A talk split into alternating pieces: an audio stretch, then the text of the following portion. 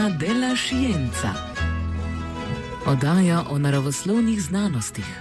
Vsako drugo sredo ob 20.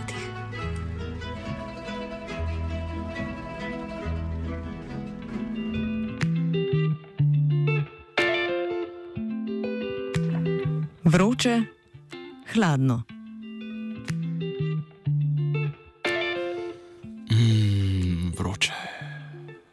Pozdravljeni v oddaji Frekvenca Delašenca. Kot se za jesen, ko se temperature spreminjajo iz peklenskih poletnih v ledene zimske spodobi, bomo danes pokukali v svet ekstremofilov. V današnji oddaji predstavljamo organizme, ki poseljujejo ekstremna okolja. Na začetku oddaje se bomo posvetili tistim, ki bi uživali v vedno bolj vročih poletjih, a ker so tudi te temperature za nje preniske, poseljujejo vulkane in podmorske vrelce. Drugo polovico pa bomo namenili mikroorganizmom, ki bi uživali v ledenih zimah, a se naseljujejo na območjih s še nižjimi temperaturami in jih zato najdemo denimo na zemljenih poljih. Pojem ekstremofil vključuje vse organizme, tako eukarionte, bakterije kot arheje, ki naseljujejo ekstremna okolja. Bakterije in arheje so organizmi, katerih celice nimajo jedra. Arheje so podrobneje tretja domena življenja, ki vključuje organizme, sicer podobne bakterijam, katerih genetski material in metabolne poti so bolj podobni tistim, ki jih najdemo v eukarionskih celicah. Eukarionti pa so vsi organizmi s celicami, ki imajo celično jedro. Ekstremna okolja niso nujno vezana na ekstremno visoke in nizke temperature, ampak tudi na obstoj sevanj, visokih tlačnih razlik, pomankanje vode, razlike v kislosti ali bazičnosti okolja in slanost okolja.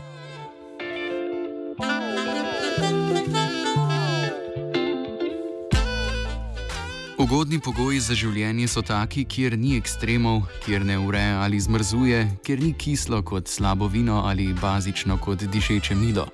Celice se morajo namreč na ekstreme posebej prilagoditi. Ekstremofili vzbujajo vprašanja tudi o samem izvoru življenja na Zemlji. So bili to prvi organizmi ali ne? Kot nam je povedala biokemičarka profesorica Jennifer Littlechild z Univerze v Exeterju v Veliki Britaniji, to vprašanje še vedno bega raziskovalni svet. Well, obviously, you've got to um, evolve um, your proteins and all your, your DNA and other ma um, macromolecules in the cell to actually survive those kind of conditions.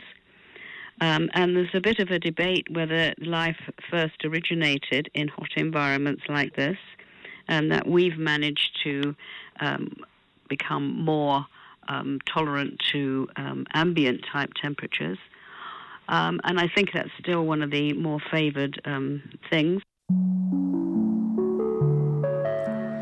Ravno zato so ekstremofili pogosto organizmi, ki jih preučuje astrobiologija, o kateri smo v naši redakciji v preteklih oddajah že govorili. Poleg svetov onkraj Zemlje tudi naš planet skriva ekstremna okolja. Dva izmed tipov ekstremnih okolij sta ekstremno vroče in hladno okolje. Ekstremno vroča okolja naseljujejo termofili, ekstremno hladna pa psihrofili.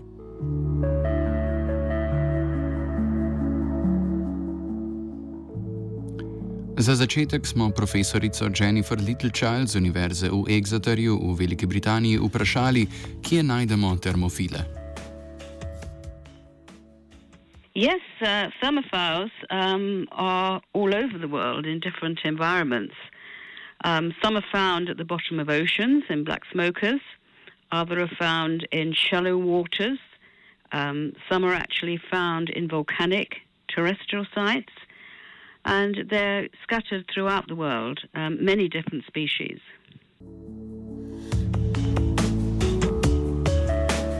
Termofili torej naseljujejo okolja, kjer se temperature gibajo med 41 in 122 stopinjami Celzija. To so naprimer vulkani in hidrotermalni vrelci globoko v oceanih. Večina organizmov predstavljajo bakterije, a pogosto tudi arheje. Več o vrstah, ki naseljujejo okolja z ekstremno visokimi temperaturami, nam pove profesorica Little Child. Well, only species which are able to survive under those conditions. some of the conditions um, are the organisms grow without oxygen, some actually grow with oxygen, and they can be either bacterial or um, another archaeal class of organisms, which is thought to be the third kingdom of life, um, which is more ancient and is related um, more to the higher organisms, the eukaryotes, than the bacteria. So you see a selection of organisms. Sometimes they are um, just in the one environment, other times you can find them in different environments throughout the world, the same organism, which has managed to survive under those conditions. And some of those conditions are up to 100 degrees centigrade, so yeah. um, they're very adapted.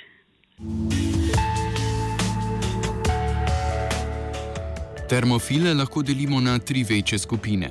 Poznamo preproste, ekstremne in najbolj skrajne hipertermofile, delimo pa jih, kot ste morda oganili, glede na temperaturo, pri kateri živijo. Hipertermofili tako naseljujejo okolja, kjer se temperature gibajo nad 80 stopinjami Celzija. V teh skupinah najdemo tudi fakultativne termofile, to so tiste vrste, ki lahko naseljujejo vroča okolja, a jih najdemo tudi v manj toplih okoljih. Trenutno znana zgornja meja za obstoj živih organizmov je 122 stopinj Celzija. Nad to mejo klasične verige nukleotidov, kot sta DNA in RNA, ne obstajajo ali pa jih raziskovalci in raziskovalke še niso odkrili. DNA, RNA in proteini so ključne molekule za obstoj živega, ki jih imajo prav vsi živi organizmi. Brez njih ne moremo govoriti o življenju.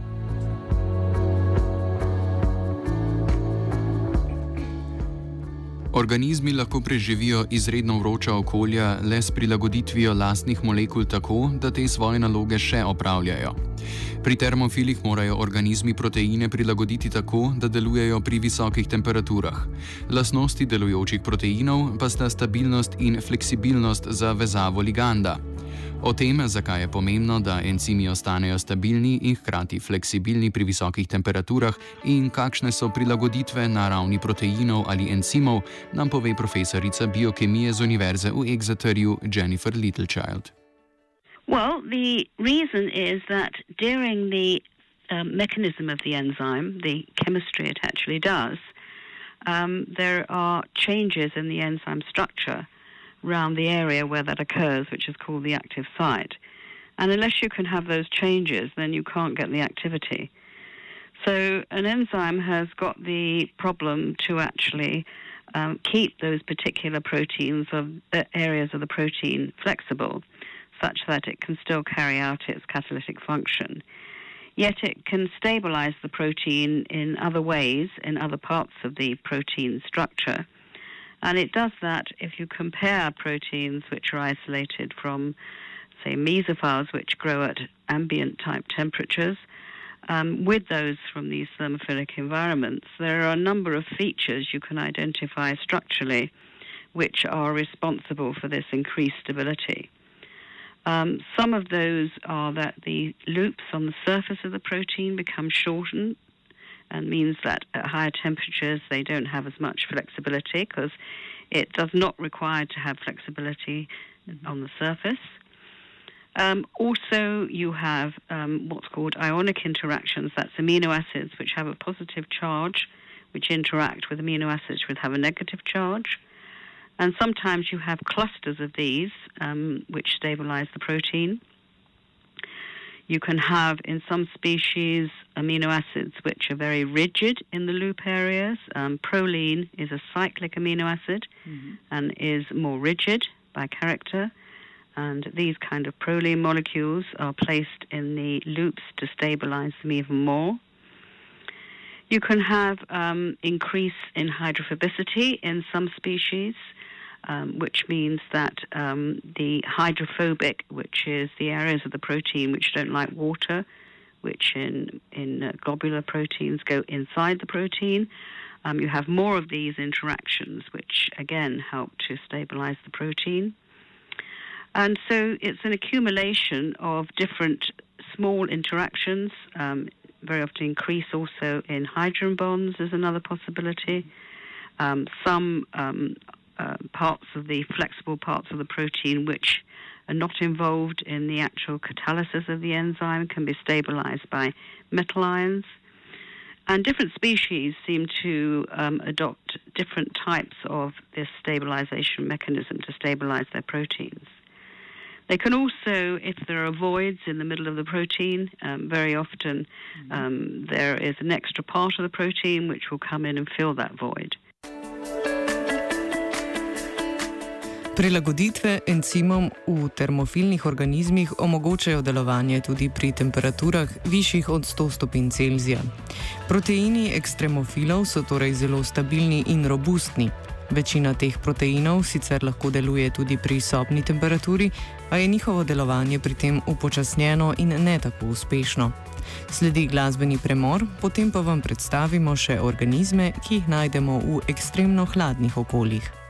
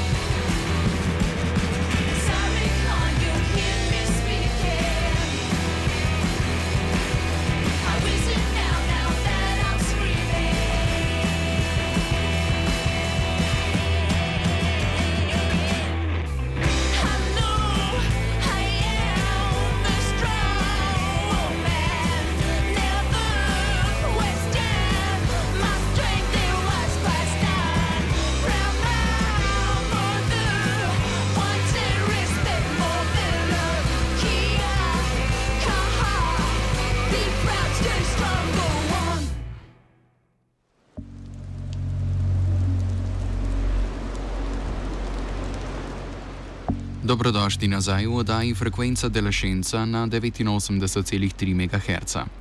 Danes govorimo o ekstremofilih. Do sedaj smo vam predstavili termofile, organizme, ki so prilagojeni na življenje v vročih okoljih.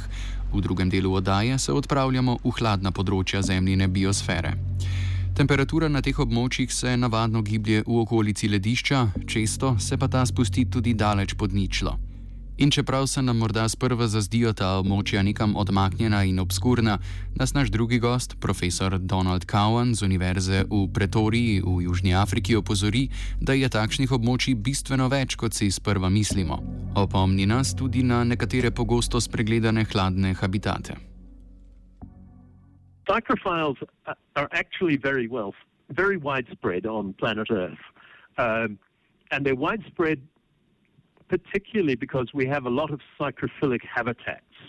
So the dominant cold habitats where you would find psychrophiles, and here I'm using the term psychrophiles just to mean any cold active organism that will live in, in a cold environment, mostly prokaryotes, bacteria and archaea. So we have a lot of a lot of suitable habitats. For example, both at the north and the south poles, the polar areas, we have extensive low temperature environments in, in the form of the polar caps and, and the, the polar oceans.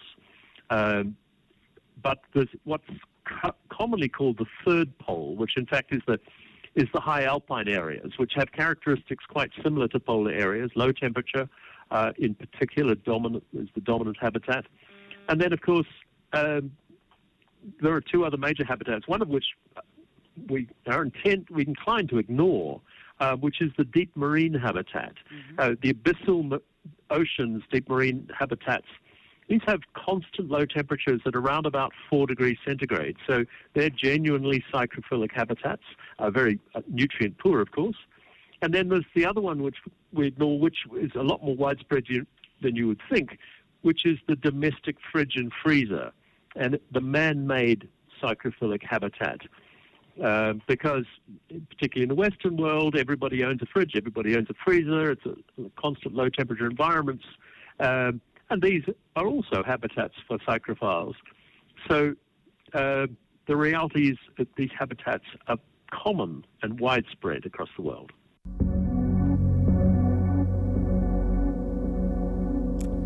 Hladne habitate, tako naravne kot tiste, ki jih je s hladilnimi napravami ustvaril človek, lahko tako najdemo vse povsod. Kot nam še pove profesor Cowan, so ti habitati tudi po svoji sestavi lahko precej pestri. V njih lahko najdemo vse od prokariontov, kot so denimo bakterije, pa vse do enostavnih eukariontov, kot so denimo kvasovke ali glive. Uh, so typically they're inhabited by many species of organisms. So uh, the dominant psychrophilic organisms are, of course, bacteria. Uh, there are, however, plenty of, of psychrophilic archaea, separate kingdom, but part of the prokaryotic group. And there are also uh, a large number of lower eukaryotes, particularly in the form of yeasts and fungi. Um, these are organisms, all of which are specifically adapted to survive, live, and grow at low temperatures. Whether they grow better at, slightly elevated temperatures or not depends on the particular class. But nevertheless, these are all organisms specifically inhabiting low temperature environments and active in those environments to a greater or a lesser extent.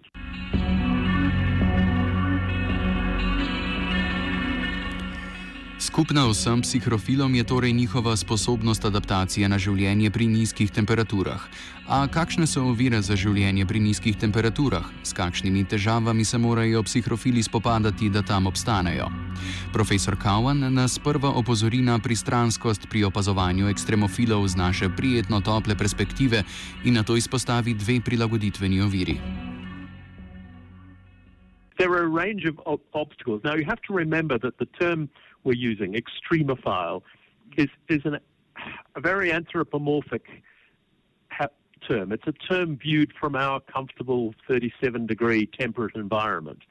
And so uh, the reality is that the organisms that inhabit low temperatures are perfectly adapted. Um, to them, it's home, if you like. Nevertheless, they do have some significant obstacles, both kinetic and thermodynamic.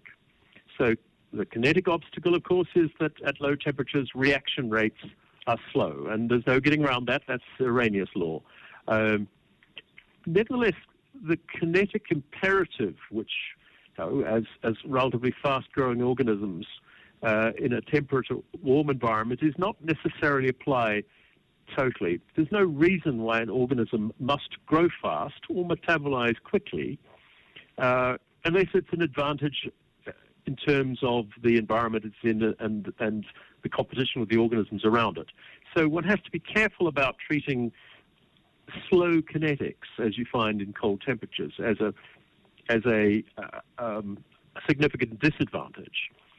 The other, of course, is thermodynamic. That is that you know, energy supply is lower generally, both thermal energy and metabolic energy. But once again, the same applies as long as you have enough energy um, generated metabolically, both to repair your macromolecules, if in case of DNA damage, for example, mm-hmm. and to support a cell division from time to time, that is enough for an organism to survive. An organism doesn't need to live at a particular rate. Kot je torej izpostavil profesor Cowan, sta glavni oviri dve. Prva se nanaša na kinetiko kemijskih reakcij. Te pri nizkih temperaturah potekajo občutno počasneje. Druga ovira pa je termodinamika. Organizem mora namreč pridelati oziroma iz okolice pridobiti vsaj toliko energije, da lahko vzdržuje esencialne procese življenja. Takšni so denimo popravilo molekule DNA pri poškodbi, občasna podvojitev genetske informacije in celična delitev.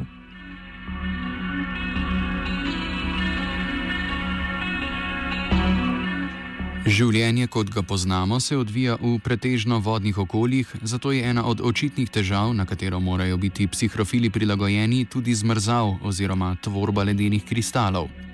Ti bi jih namreč lahko pri neprilagojenih, denimo človeških celicah, poškodovali. Profesor Cowan nam je povedal, da so psihrofili razvili zelo različne in izvirne mehanizme za obrambo pred to vrstno nevarnostjo. So there are a couple of well-known mechanisms, and this is all to do with survival and ice crystals. So, firstly, for those organisms that don't have to descend to very, very low temperatures, uh, they tend to pack the cells um, with a variety of compounds. For example, you can reduce the water content, content by putting a lot of sugar or sugar alcohol or, or similar solutes into the cell to protect the, the molecular structures, the macromolecules, proteins, DNA, and so forth from damage. Secondly, they will they will produce in many cases um, antifreeze proteins. These are a specialist group of proteins which bind to crystal surface, surfaces and um, essentially um, reduce the propensity from ice to freeze until you get below a certain point. And they can push the freezing point of water down by quite a significant number of degrees. For organisms where the temperatures, such as you would find, for example, in the high Arctic or the Antarctic, where the temperatures get beyond that point, they typically deal with it by not preventing freezing, but by controlling freezing. And they produce ice nucleation proteins. Once again, proteins that bind to crystal surfaces and control the size of, of ice crystals. So instead of getting very large, very sharp ice crystals that damage puncture cell walls, you get multiple small crystals and they can sit comfortably inside the cell without damaging the cell until such time as, as thaw happens. So those are just a couple of the ways in which organisms, including some eukaryotes actually, which uh, survive at low temperatures, have dealt with one of the physical issues of freeze.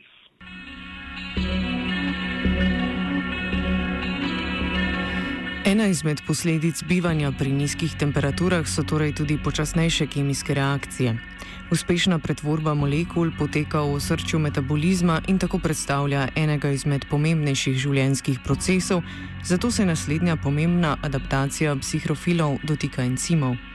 Encimi so specializirane proteinske molekule, ki so odgovorne, da reakcije potekajo dovolj hitro za potrebe organizma.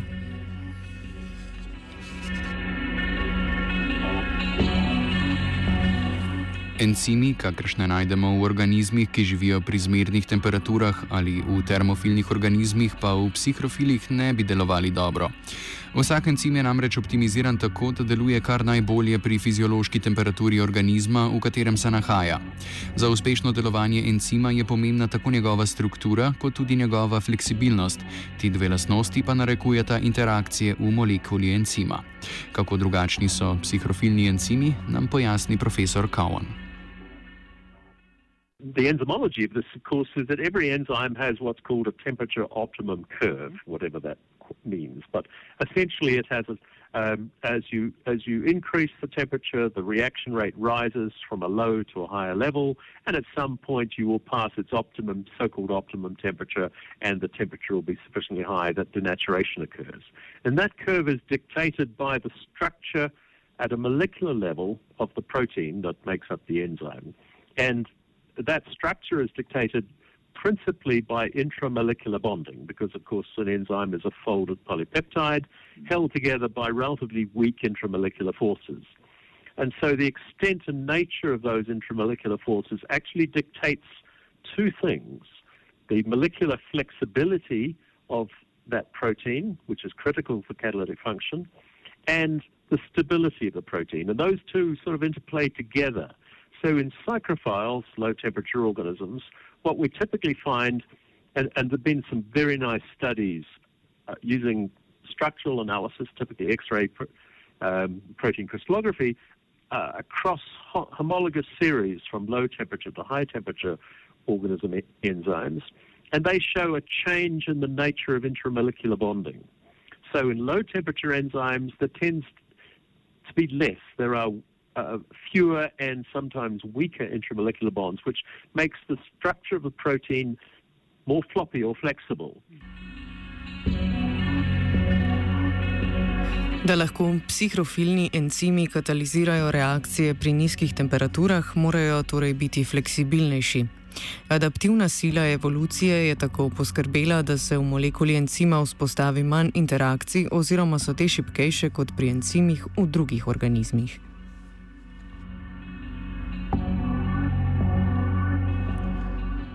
Sledi glasbeni premor, v zaključku oddaje pa boste izvedeli, kako lahko proteine iz ekstremofilov uporabljamo v industriji in kako jih znanstvenice in znanstveniki sploh preučujejo.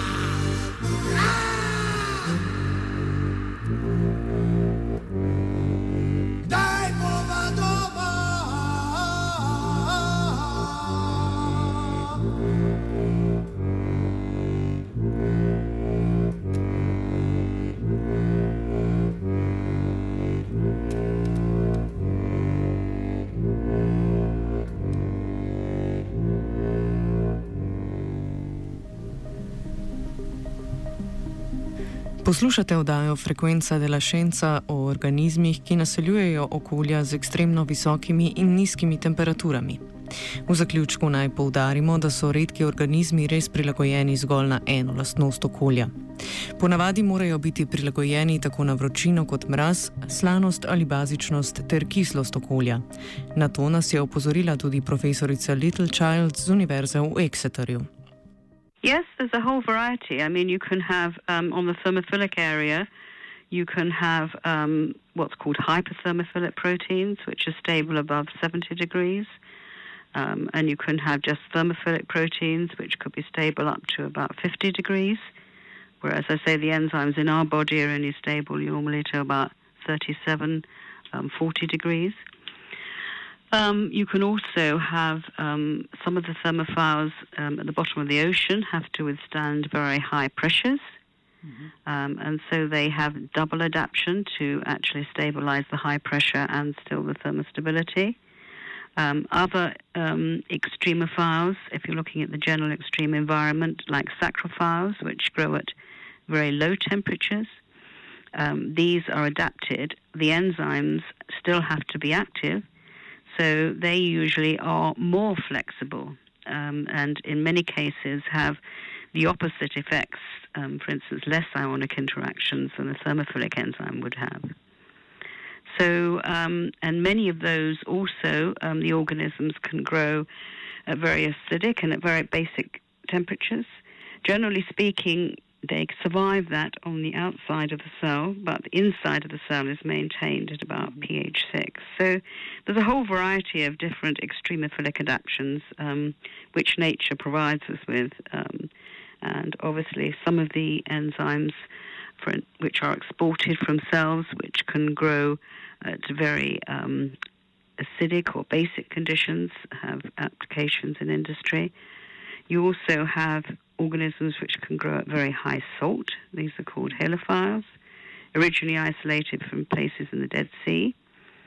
So nature has all got all of these adaptations um, which we can actually source and use. Ekstremofili so zanimivi tudi za industrijo. Organizmi, ki naseljujejo ekstremna okolja, imajo prilagojene proteine, tako da lahko delujejo v ekstremno vročih ali hladnih pogojih. Predvsem so zanimivi, ker so tako robustni, z njihovo uporabo pa bi se lahko izognili uporabi kemikalij, s katerimi sicer encimom omogočimo njihovo delo. Več o tovrstnih projektih nam je povedala profesorica Jennifer Littlechild z Univerze v Exeterju. Enzymes are quite a bit of interest um, industrially as well, and how enzymes, the same enzyme, for instance, which has the same activity in our bodies and is only stable to 37 degrees, um, how there is an enzyme which also has the same activity in some of these thermophiles, and that's stable to 100 degrees, and what accounts for that difference. And there's an industrial interest because um, there is a push now to use enzymes for actually doing industrial processes in a sustainable way and not to use chemical methods to synthesize various molecules. Um, but the enzymes themselves need to be robust enough to withstand industrial processes. And many enzymes isolated from these thermophilic organisms have that robust character and are useful for industrial processes.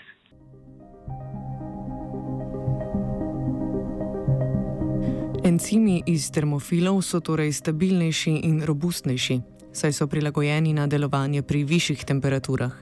Omenjene karakteristike so zelo zaželene pri industrijski uporabi, kjer lahko encimi zamenjajo tradicionalne katalizatorje.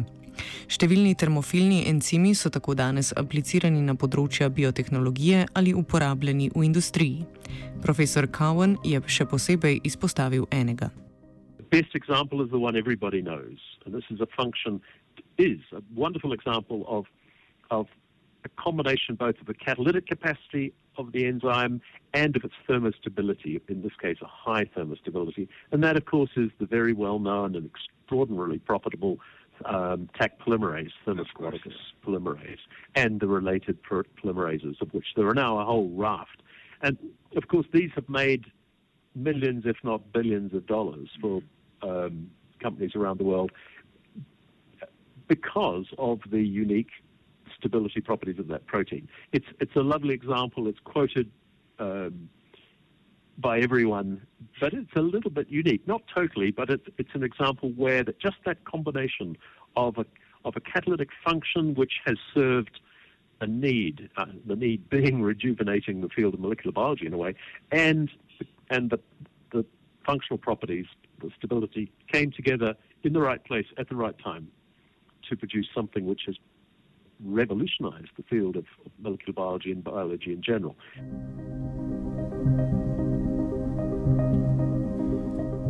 V zaključku pa nam profesorica Littlechild razloži še, kakšna je prihodnost tovrstne uporabe encimov. Well, I think it's critical now because um, we're having to go to much more sustainable processes um, for making um, not just drugs, but for making other um, um, consumer molecules like plastics, for instance, um, which can be broken down, or many other things, rather than using petroleum based. And um, it can rely on enzymes. And so we really do need robust enzymes which can carry out these processes. Um, and um, so the more uh, we can actually have in what's called our enzyme toolbox, um, many different types of, for instance, epoxide hydrolases that I talked about, um, many different types of other um, different types of cellulases, for instance, um, also for breakdown of waste. Um, there's a lot of um, work now looking at industrial waste. How can that be hydrolyzed and used for something which is can be built up into new macromolecules, for instance. And this is all part of something called the circular economy, where the idea is that you don't waste anything. Mm-hmm. Um, so the waste then gets converted into something useful. And I think we can't just go on in the way we have. I mean, there's obviously a limited amount of petroleum, um, but also we need to change the methodology for um, the chemical industry, so that using enzymes, which is more sustainable and is doesn't involve um, large, for instance, um, pressure and temperature, but also doesn't involve the fact that you have to get where um, remove toxic waste, which is left at the end. So I think um, with the predictions for the future, really. Um, are very much towards more and more enzyme development more and more enzyme engineering by the different methods which we've talked about, mm-hmm. um, and um, sort of more and more pushing over to the circular economy. Um, and also cutting down um, carbon dioxide emissions from industrial waste, um, which could be cut down considerably if it was a more um, based enzyme, natural type of process.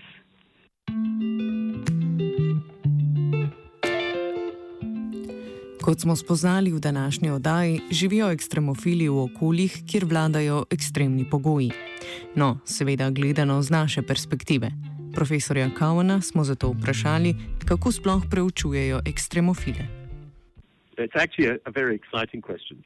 Traditionally, um, and I say traditionally, up until about 20 years ago, you needed an expedition. You had to get out there and get a sample from your favorite extremophilic environment, whether it was a, a hot pool or a deep sea hydrothermal vent or a volcano or the deep ocean or the polar ice cap. And with that sample, you would then, uh, up until maybe 20 years ago, you would isolate organisms. And, and having isolated organisms capable of growing at high or low temperatures, you then had the resource to study in terms of the enzyme complement or the function of the organism or whatever it might be. And classically, you would, for example, screen for a functionality and then isolate the protein and, and go through the characterization and structural analysis and functional analysis. Things have changed. So now, for example, with, with the arrival of metagenomics, mm-hmm. um, you still need, or up until recently, you needed the environmental source, but you would no longer culture the organism. You might just extract the total metagenomic DNA and sequence it. Uh, in other words, total metagenomic sequencing, from which you can reconstruct, you can identify virtually every, every open reading frame encoded by every genome, which might be in a complex sample, a thousand microorganisms. And so you could ask questions about the different open reading frames, the annotation of those, the functionality, and much, much more simply than we could have done traditionally, you can then um, you can synthesize the gene and investigate it. There are still weaknesses in that approach. It's got a pretty high failure rate, not in terms of identifying it, but you can't identify the detailed functionality until you've gone through the process. But now, it, in a way, you don't, sadly, you don't even need to go to your favorite extreme environment because the, the, the, the data, the open free databases in the world are absolutely filled with metagenome sequence data sets. And you can access these at the push of a button on your fancy computer and download the metagenomes.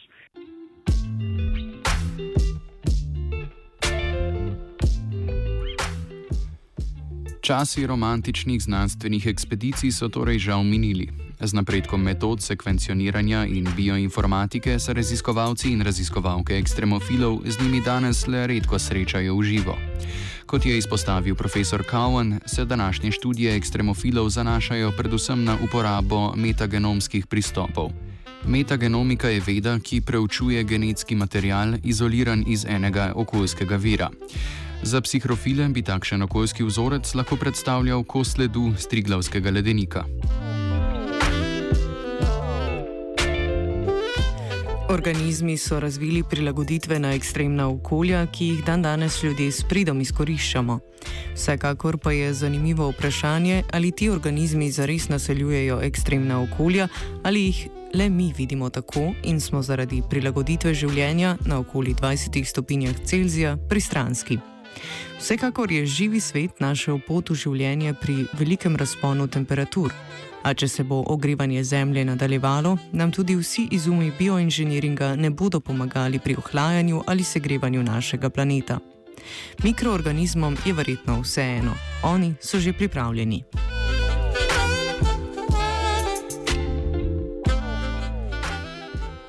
Ekstremno hladnih temperatur se veselita Uroš in Zarja. Linč, ki je tehniciral, Amaga in Peter, ki sta brala, pa niti ne.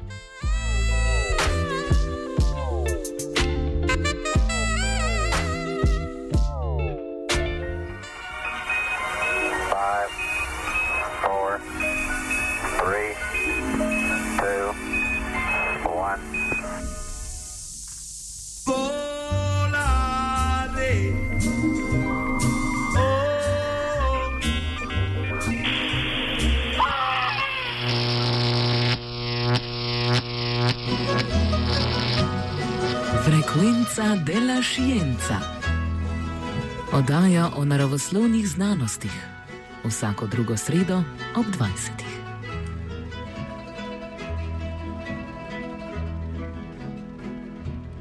Čeprav me na radiju študent zelo redko poslušate, vas kljub